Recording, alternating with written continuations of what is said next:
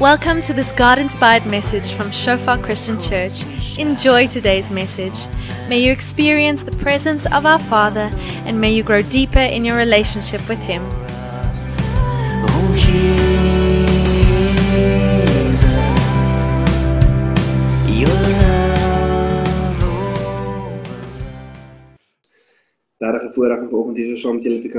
Ek my ouers se mooi sitkamer en Wiem wat die slides ons doen. Hy sit daar so in die studeerkamer. Ons het hier krag vanoggend nie. Ek's nie regtig seker of die krag afgegaan het of toe nou nie afgegaan het nie.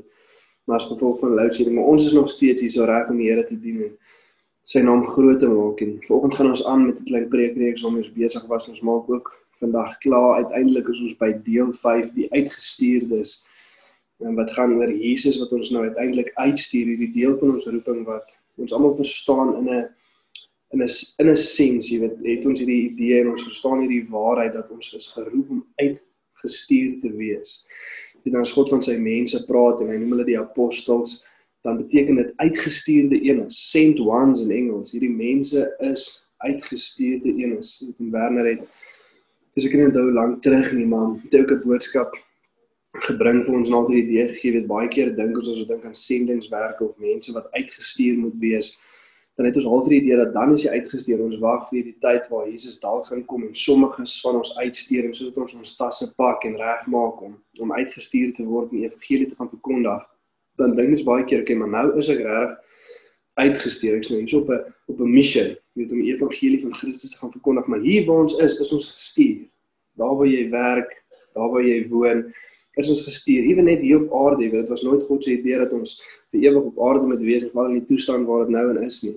Die skrif sê van die begin van die fondasie van die aarde is Jesus gekruisig. Voordat die fondasies van die aarde gelê was, was Jesus gekruisig. God het geweet wat gaan gebeur. Voordat die fondasies van die aarde gelê was, was elkeen wat gered sou wees, se naam opgeskryf in die boek van lewe. God weet waarmee hy besig is. Hierdie is nie plan B of plan C nie. Ons is besig met plan A. Nou lyk dit vir ons baie keer snaaks en vreemd en ons is seker hoe dit gaan lyk, wat gaan gebeur nie.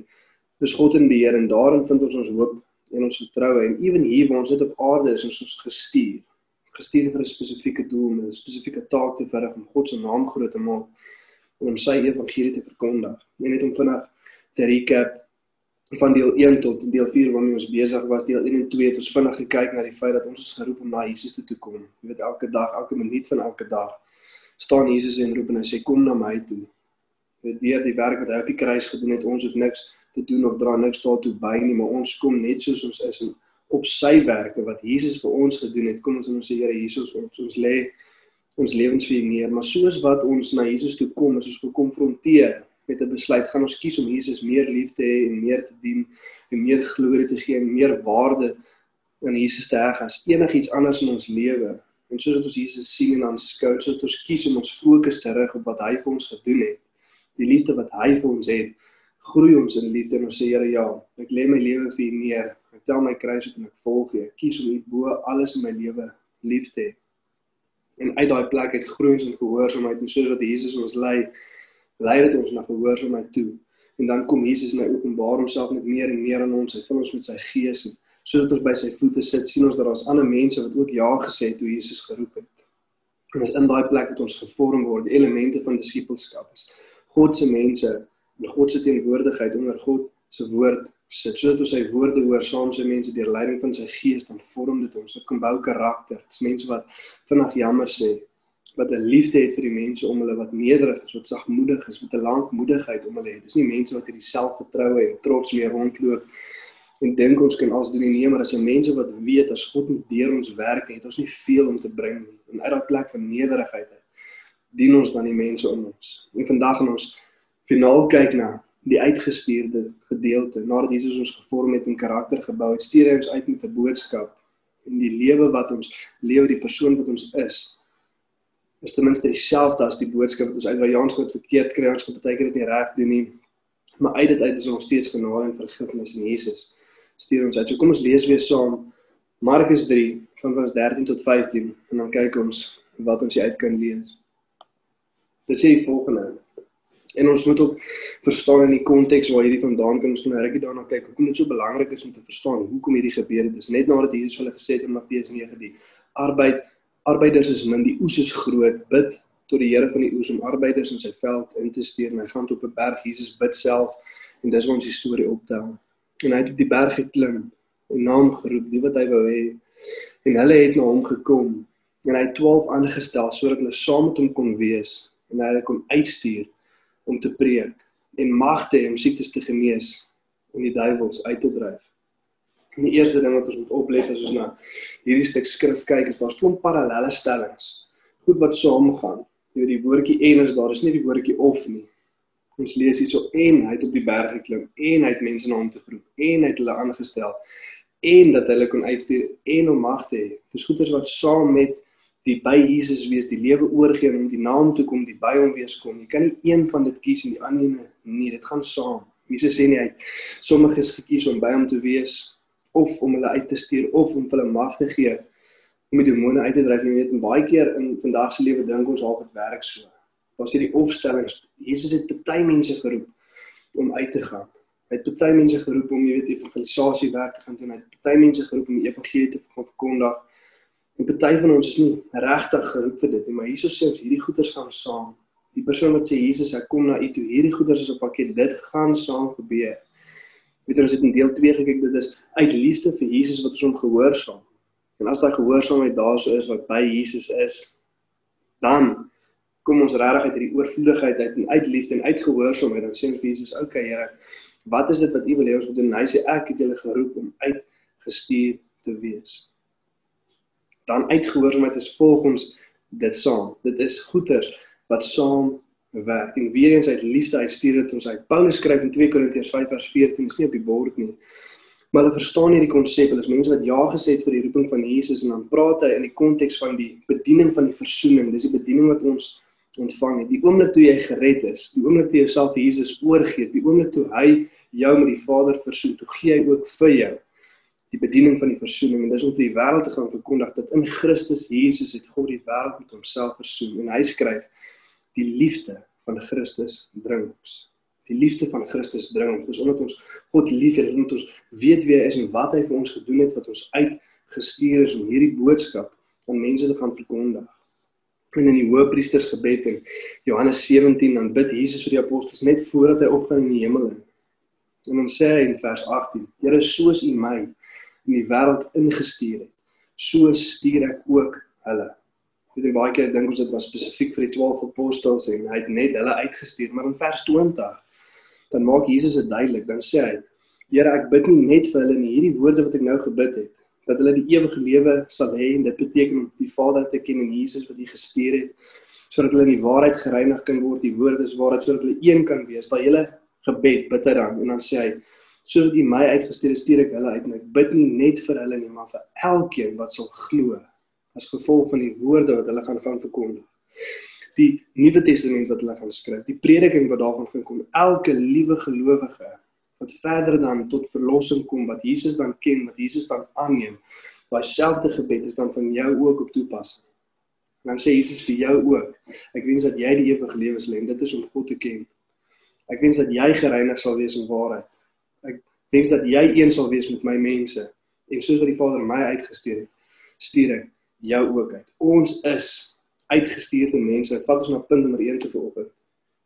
In die omgewing van my roeping, punt nommer 1. Elke gelowige, elke liewe gelowige, elkeen van ons is geroep om die evangelie te verkondig. Nie net party van ons nie, nie net sommiges van ons nie, maar elke liewe een van ons. Weet in die oomblik as ons dit besef, die oomblik as ons hierdie waarheid inneem, dan verander dit hoe ons kyk na Christendom. Dit verander ons na hierdie preek luister dit verander hoe ons 'n Christelike boek lees. Die oomblik as ons dit besef, dan skuif ons fokus nie net om hierdie in te neem sodat ek dalk weet hierdie waarheid kan regmaak in my eie lewe nie, nie net sodat ek God se blessing kan ervaar in my lewe nie, nee, maar alles wat ek inneem, alles wat God vir my sê, is ek ook geroep om na uit te dra. En dis hoekom ek sê dit is so belangrik om te sien waarna hierdie konteks homself vind. Want Jesus sê vir sy disippels, die uur is groot, die arbeid is min. En ek gaan nou na die Vader toe gaan, ek gaan bid en ek wil hê julle moet bid sodat arbeiders uitgestuur kan word in hierdie veld. En soos wat Jesus hulle aanstel, soos wat hy vir hulle hierdie hierdie roeping gee om by hom te wees, om uitgestuur te wees, dan stap hy by die berg af in Lukas 6 en dan begin hy die mense leer. Hy vertel hulle die boodskap van die evangelie. En maar kinders half dink, soos wat die apostels dan hom luister soos as sy disippels sien wat Jesus doen, het hulle 'n bietjie ander fokus. Hulle kyk nie net na Jesus gebaseer op wat hulle nou uit dit uit kan kry of oor hoe hulle dit kan verstaan nie, maar hulle is die hele tyd te weet dat dit wat Jesus nou doen, die manier hoe hy die mense aanspreek, dit wat hy sê, ons moet luister sodat ons ook kan gaan ook soos Jesus kan lyk, ook soos Jesus kan optree, ook soos hy kan bedien en hierdie woorde wat hy aan hulle gee, ook dan vir die oomblik kan verkondig. Dis hoekom hulle die evangelies kon skryf. Dis hoekom Handelinge daar is, dis hoekom die res van die Nuwe Testament daar is, want die mense was so gefokus op Jesus en wat hy sê en doen, sodat hulle dit kan oordra in die volgende geslag. En as mens kyk na menslike geskiedenis, is ons baie baie sleg daarin. Net reg deur die Bybel dit. Is half daai generasie, dalk twee generasies kom wat God se seëning ervaar wat jy weet 'n revival soos wat hulle dit sal noem ervaar en dan sterf dit weer af en dan vat dit weer 'n hele tydperk voordat revival weer kom vir daai herlewing weer plaasvind en dan se weer maar geslag 2 en baie keer sukkel ons om daai waarheid wat God in ons lewens kom gee net te skryf en ons baie keer omdat ons nie regtig gefokus is en 'n doelbewuste ingesteldheid het dat dit wat God vir my sê, dit wat hy vir my doen, dit wat ek ervaar in my lewe die slegte goed waardeur ek gaan waardeur God my dra. Elke liewe een van daai goed is God besig om my te vorm sodat hy dit ook deur my kan doen. Die waarheid wat hy vir my gee, is ek geroep om vir ander te gaan gee en dit konstant uit te dra. Maar die struikelblok wat baie keer kom met dit en soos ons dit sien is jy is ek nie lekker seker of ek dit sal kan doen nie. Jy weet ek is nie seker of ek hierdie of ek dit het binne in my om hierdie waarheid te kan uitdra om vir mense te gaan sê wat Jesus gedoen het nie. Ek is seker of wat mense kan lei na die Here toe. En dan is die goeie nuus dat in onsself kan ons dit doen nie. Dit is hoekom God ons uitstuur deur sy Gees met sy mense. Daai selfde elemente van disippelskap wat ons vorm, is ook dieselfde elemente waarmee ons uitgestuur word. Ons word gevorm saam God se mense in sy teenwoordigheid deur sy woord. Want dan stuur hy ons met sy teenwoordigheid met leiding van sy Gees saam sy mense uit om sy woord te verkondig. En ek wil vir ons 'n stukkie lees is 'n klein bietjie lank, maar hou vas. In Handelinge 2 van vers 1 tot 12. En dis net nadat die apostels die die groot opdrag gekry het om te gaan disippels maak van alle nasies en Jesus is nou weg. Ek kan dink is nog wel 'n uitdagende ding wat Jesus wil sê. Baie keer ervaar ons daai daai selfde wrywing in ons harte hier, maar hoe gaan ons dit doen? Vader, was dit was goed hoe Jesus op aarde was en het gesien hoe hy dit doen, maar sonder hom is ons nie reg seker of ons dit kan regkry nie. En hy sê vir sy disippels gaan wag totdat hulle die Heilige Gees ontvang en hierso speel hierdie storie nou af op die dag van die Pinksterfees sodat hulle vervul word met die Gees en soos wat God vir hulle iets kom wys. En ek wil ek wil ons 'n vraag vra voordat ek dit lees. En die vraag is wat dink jy kom wys God vir sy mense nadat hy vir hulle hierdie groot opdrag gegee het in hierdie stuk? So kom ek lees ons toe die dag van die Pinksterfees aanbreek was hulle almal op een plek bymekaar daar's 'n klas sien ons weer God se mense die een ding wat hulle kon doen en bymekaar te wees intentioneel bymekaar te wees dit het hulle gedoen en God roep ons nou weer nadat die lockdown verslap om by mekaar te wees. Dit is seisoen van by die huis wees is nou verby. Ons moet weer by mekaar uitkom. En hy sê hulle was almal op een plek by mekaar. Skielik was daar 'n geluid uit die hemel, soos van 'n geweldige stormwind, en dit het die hele vertrek gevul waar hulle gesit het. Hulle het iets soos vuur gesien wat in tonge verdeel het en op elkeen van hulle kom gekom het. Almal is met die Heilige Gees vervul en hulle het in ander tale begin praat soos die Heilige Gees wat aan hulle gegee het onder sy leiding te doen. Die Heilige Gees wat hulle kom lei om dit te doen. En dan sê dit in die volgende vers vers 5 tot 8 en sê daar het godsdienstige Jode uit al die nasies onder die son in Jerusalem gewoon. En ook omdat dit Pinksterfees was, was daar ander mense wat van al die nasies op bymekaar gekom het. So net nadat Jesus vir hulle sê ek wil julle moet gaan disippels maak van al die nasies, stort hy sy gees op hulle uit terwyl al die nasies in Jerusalem is. Toe die mense die geluid hoor, het 'n groot skare saamgedrom omdat elkeen gehoor het hoe daar in sy eie taal gepraat word. Het hulle nie geweet hoe dit het nie. Verras en verbaas sê hulle toe, die mense wat daar praat is tog almal Galileërs. Hoe hoor ons elkeen van hulle dan in sy eie moedertaal? Ons sê dit in vers 9 tot 12, daar was Perse, Medeërs en Elamiete sowel as die inwoners van Mesopotamië, Judea en Kappadosie, Pontus in die provinsie van Asië, Frigië en Pamfilië, Egipte en die dele van Libië en Sirene, mense uit Rome, Jode sowel as heidene wat die Joodse geloof aangeneem het, Kritiseners en Arabiere. Ons hoor hulle in ons eie taal praat oor die groot dinge wat God gedoen het. Hulle was almal verbaas na die veld geslaan party het vir mekaar gevra, wat kan dit tog beteken? Net wat 'n wonderlike vraag nie om daar te vra nie. Wat kan dit tog beteken? Dit wat hier gebeur het, God se mense wat met sy gees gevul is om die groot dade wat God te doen het in elkeen se taal te praat. Wat kan dit tog beteken? En God is besig om hierso vir sy disippels te sê dat hierdie taak waarvoor ek julle geroep het, hierdie opdrag wat baie groot lyk, wat baie onmoontlik lyk om die disippels te gaan maak van al die nasies. Dit miskien die disippels wat dink jy, hoe gaan dit nou werk? Moet ons nou elke liewe taal onder die son leer? Waar daar is, hoe gaan ons hierdie mense in, in hulle konteks? Dit is hoe baie keer ons ook voel, jy weet by die werk, die mense dink 'n sekere manier, hulle het 'n ander kultuur dalk. Hulle praat dalk 'n ander taal. Hoe op aarde gaan ek gaan en in hulle konteks hulle die goeie nuus van die evangelie gaan verduidelik? Hoe gaan ek dit relevant maak vir hierdie mense? En die disippels het dalk presies dieselfde gevoel. En hierso kom God en hy sê terwyl al die nasies onder die son bymekaar is, terwyl dit die Pinksterfees is waar almal bymekaar kom, maar letterlik, as die Bybel sê al die nasies onder die son was daar, dan was daar ten minste een persoon van elke nasie onder die son. En God kom en op daai tyd was 120 disippels saam in 'n bokamer. En hy gee vir hulle die vermoë deur die leiding van die Gees om in daai mense se eie taal, eie konteks met hulle te gaan praat en die groot dinge van God aan hulle te gaan verkondig. En God kom sê, Dis wat dit beteken vir sy disippels as ek jou hierdie taak gee. Al lyk dit hoe groot, al lyk dit hoe onmoontlik, al voel jy dalk jy kan dit nie doen nie, al is jy bietjie geïntimideer daardeur as jy jouself onderhewe maak aan my wil. As jy intentioneel bymekaar kom, saam met mense met die oog op die evangelie te gaan verkondig, dan sal ek jou die krag gee om dit te doen. Ek sal jou bemagtig. Al wat ek van jou vra is, kom saam met mense bymekaar en fokus daarop om uitgestuur te wees. Maak daai waarheid deel van jou lewe en soos wat jy by mekaar kom bid konstant. Here gee ons die vermoë, gee ons die krag om u waarheid te gaan verkondig. So dit Paulus skryf in homselfde stuk in 2 Korintiërs 5 waar hy praat van die bediening van die versoening net nadat hy sê dis die liefde van Christus wat ons uitstuur. En sê in vers 20, God maak 'n beroep op julle deur ons ons is dalk daarso en ons is dalk iemand wat praat maar God se gees maak deur ons op beroep. Hy praat met hulle gees. Dis hy wat mense van van dood na lewe skep. Dis hy wat die evangelie laat wortel vat in mense se harte. En ons sien weer dieselfde in hoofstuk 4.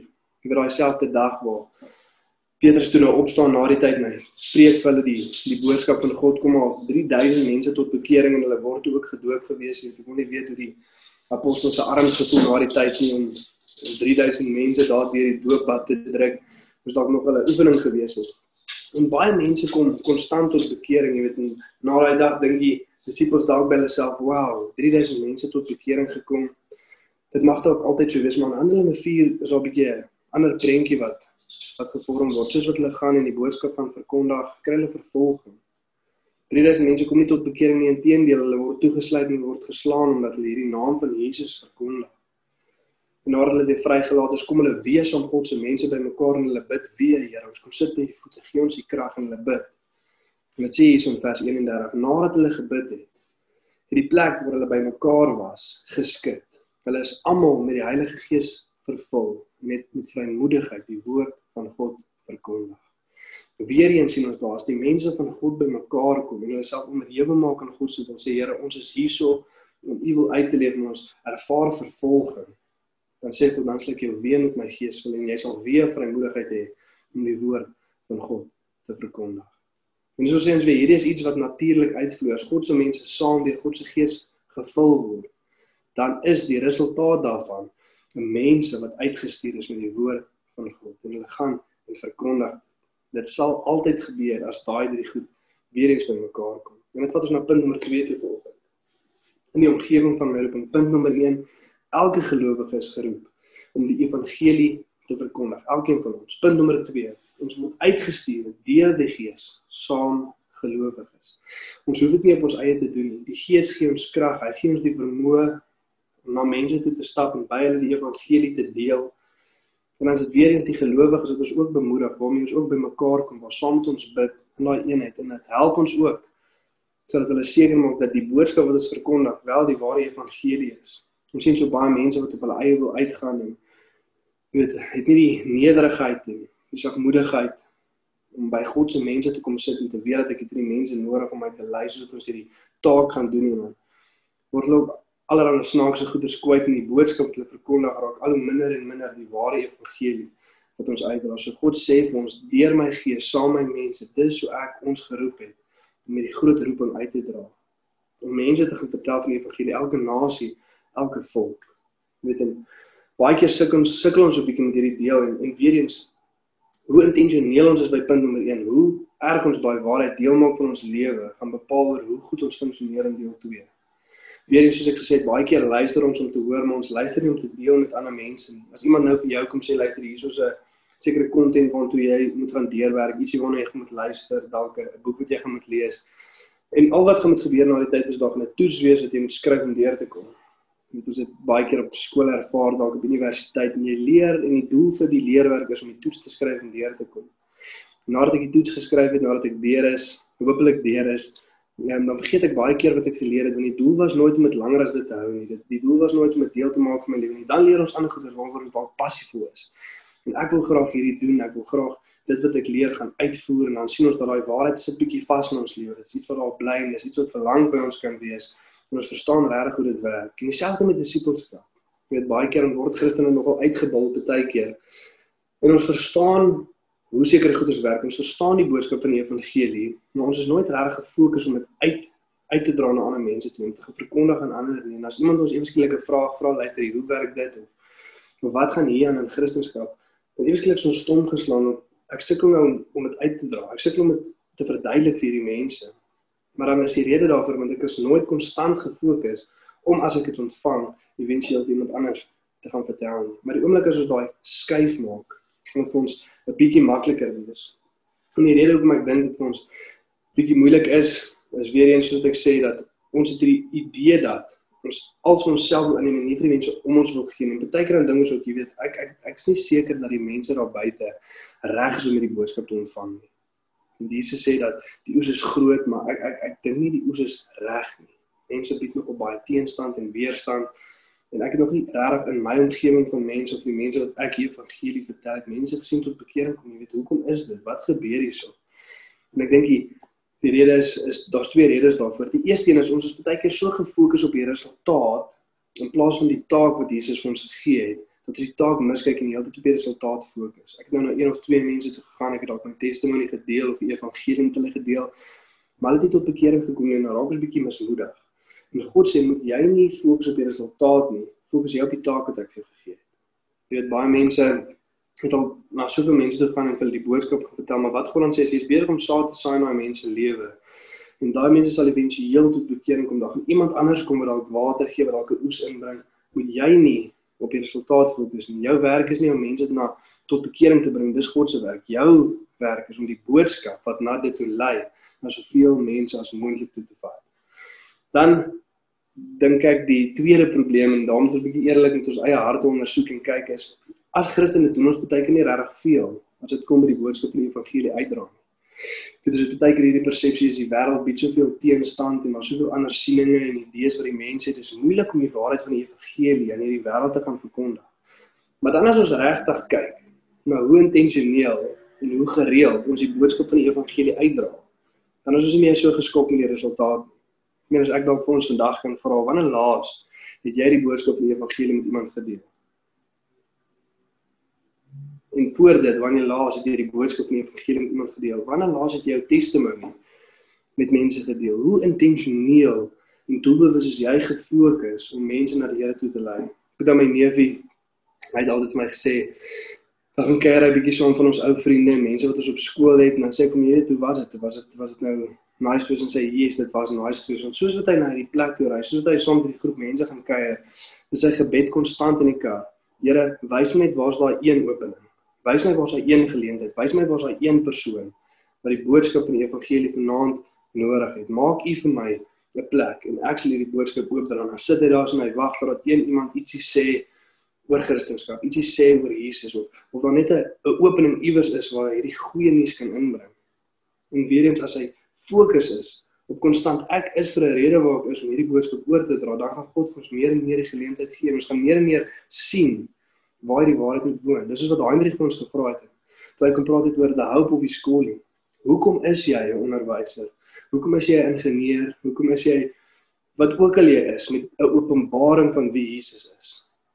Hoekom het jy 'n openbaring van wie Jesus is en werk by die plek waar jy werk? En die rede is sodat jy daai openbaring kan oordra aan die mense wat daar is. Maar Jesus roep ons om konstant te fokus en hom te vra, Here, wys ons, lei ons. Sodat die Heilige Gees hierdie mense gelei, lei my ook, Here. Sodat ek die boodskap kan uitdra aan hierdie mense. En Jesus sê nie net dis die oes groot, hierdie oes is reg. Ons lees nie volgende vers in Johannes 4 van vers 35 tot 38. Dis net nadat Jesus met die vrou ehm um, by die watergat gepraat het en toe sy sien wie Jesus is, hardloop sy in die stad in en sy gaan sê vir 'n klomp mense wat nou net gebeur het, sy gaan vertel vir hulle haar testimonie. En dan lees ons baie van daai mense het tot bekering gekom en die disippels kom terug en hulle sê wie Jesus hier is vir iets om te eet en hy sê ek het kos om te eet waarvan julle nie weet nie. My kos is om die wil van die Vader te doen. En dis ons storie nou opdag. En dit sê sê julle nie nog 4 maande dan is die oes daar nie. Maar ek sê vir julle, kyk daar, kyk na die lande. Kyk, kerk, lig op jou oë. Kyk. Hulle is ryp vir die oes. Nou al ontvang die man wat oes sy loon en samel uit die oes in vir die ewige lewe. Daar's 'n loon wat ons skryf oor 'n werk wat Christus deur ons doen. Hoe ongelooflik is dit nie? Soos die een wat saai en die een wat oes, saam bly. Daar's iemand wat dalk saad gesaai het en hy het nooit die oes sien inkom nie, maar een wat nou oes, hy saam met die een wat saai bly. Hier is die gesegde waar die een saai en die ander een maai. Ek het julle gestuur om 'n oes in te samel waarin julle nie gearbeid het nie. Ander het gearbeid en julle pluk die vrugte van hulle arbeid.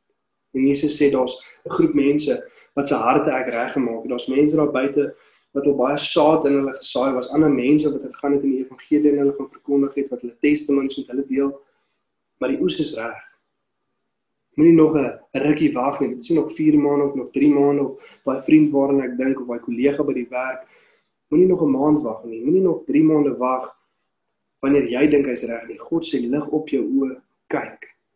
Kyk en sien dat die oes is reg. Jy weet hy vra vir ons as kerk soos wat ons ons oë oplig en na die wêreld daar buite kyk en die gebrokenheid wat daar aangaan. Die hartseer, die hopeloosheid, soos wat Jesus na die skare gekyk het en sy disippels gesê ek kry hulle innig jammer want hulle is moeg en hulpeloos. Hulle het nie 'n wagter nie. Hulle het nie 'n skaapwagter. Ek is hy en hulle sien dit nie raak nie.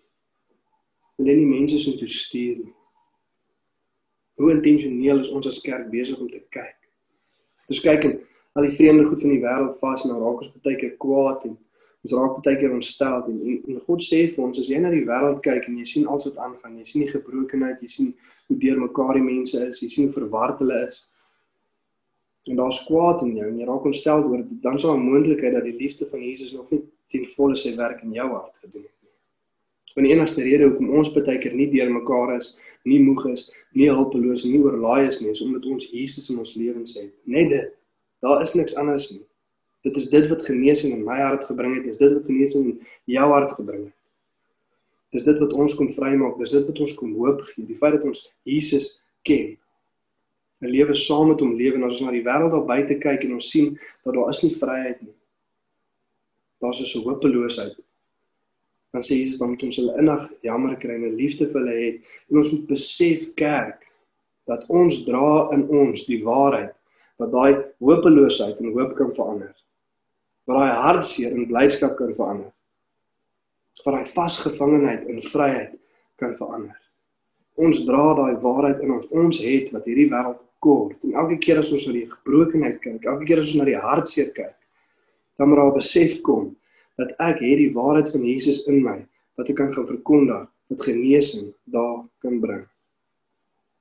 Wat 'n voorreg om saam met God te werk, maar wat 'n verantwoordelikheid het ons nie as kerk wat hierdie waarheid dra wat hierdie wêreld so so nodig het nie. En Jesus kom roep ons nou sê lig op jou oë en kyk. sien. En weet dat jy het dat ek in jou gesit het om daai gebrokenheid te gaan herstel. Deur leiding van my Gees saam met my mense, die wêreld, die woord van God so so nodig. Vat ons nou punt nommer 3 te volg. In die omgewing van my roeping. Punt nommer 1: Elke gelowige is geroep om die evangelie te verkondig Punt nommer 2 ons word uitgestuur deur die Gees saamgelowiges. Punt nommer 3 die oes is groot, maar die oes is ook gereed. Die oes is gereed. Maak nie saak wat ons persepsie is of wat ons al gesien het of wat ons ervaar het nie. God sê in sy woord, die oes is gereed. En hy roep ons om te fokus net op die taak wat ons gegee is. Moet jy nie te veel worry oor die resultaat nie. So as ons deur die boek van Handelinge lees, dan sien ons dit en God het tot hulle nommer toegevoeg. Tot 3000 mense tot bekering gekom het. Wie was dit? Dit was God gewees wat daai mense toegevoeg het. Terwyl later weer 2000 tot bekering kom en God het tot hulle nommer toegevoeg. En God het tot hulle nommer toegevoeg. Die hele tyd, die apostels het gaan deel, hulle het gaan genees, hulle het gaan verkondig, maar God het die groei wat plaasvind. Hy is die een wat mense toevoeg en hy roep ons as kerk, lig op jou oë, kyk. En besef jy hierdie waarheid wat 'n wêreld kan verander, gaan uit en gaan verkondig die boodskap van die evangelie. Ek wil ons bid en dan gaan ons in groepe indeel en ek wil graag hê ons moet net praat oor twee goed. Eerstens, as dit kom by die evangelie uitdra, skrif sê ons moet altyd gereed wees om vir mense te kan verduidelik, dat dit die venster kan maak oor hoekom hierdie hoop van Christus in ons woon. Ons moet besef hê dat ons geroep is om uitgestuur te wees en altyd bereid wees in en uit seisoen om die woord van God te gaan verkondig. Is jy gereed? Het jy al ten minste 'n bietjie gesit en dink, hoe verkondig ek die evangelie in 'n manier waar ek werk vir my mense met hulle taal en hulle kultuur en hulle konteks? jou testimony, het jy jou testimony gaan deurding, net hoe ons dit lekker gemaklik vir mense kan vertel wat God in my eie lewe gedoen het. Vraag nommer 1, is jy gereed? Dan vraag nommer 2, hoe intentioneel en hoe gereeld en hoe doelbewus is jy gefokus op die waarheid wat God in jou lewe kom bewerkstellig het met die mense om jou te deel. So kom ek bid vir ons en bespreek ons daai goed in ons groepe. Ja Here, dankie dat ek net voor U kan kom, Vader. Net eerstens kan kom dankie sê Here en ek kom bid net vir daai besef weer net in elke hart Here vir die voorreg dat U ons kom roep het Here. Dat daai waarheid ons kom vrymaak het Here dat ons die voorreg het Here gebaseer op die werk van U aan die kruis om nader te tree aan Here om U te kan ken Vader. Net in woordigheid te kan sit om U te kan ervaar Here om te weet Vader as ek nou hier praat en bid Vader dan hoor U my Here. U luister, U's by my. Nie omdat ek so groot of goed is nie Vader, maar vir wat U seun gedoen het aan die kruis. U is met die mense hier en dankie vir daai voorreg Vader. Here ek kom bid dat daai waarheid ons so sal uitstuur Here deur liefde Vader te weet ek het niks gedoen om hierdie te verdien nie niemand het iets te doen om dit te verdien Here u het die seën kom gee sodat mense u kan ken Vader. En ek kom bid Here dat soos ons ons oë oplig en gebrokenheid sien Vader dat 'n innige ontferming sal kom Here 'n liefde sal kom Vader. Wat weet Here hierdie mense het nodig Vader ons dra die boodskap wat genesing kan bring. En ek kom bid Here dat ja wanneer ook al die vyand kom te stand Here wanneer ook ons nie daai vrymoedigheid het nie Vader dat ons bymekaar sal kom saam sal bid Here en dan weet ek Here as ons self onderhewig maak in die wil van saam die mense sal U ons kom vul met die Gees sodat ons vrymoedigheid kan hê om die waarheid van die evangelie uit te dra in hierdie wêreld. Dankie Here dat U U werk deur ons doen in Jesus naam. Amen. Amen. Julle geniet julle breek uit rus.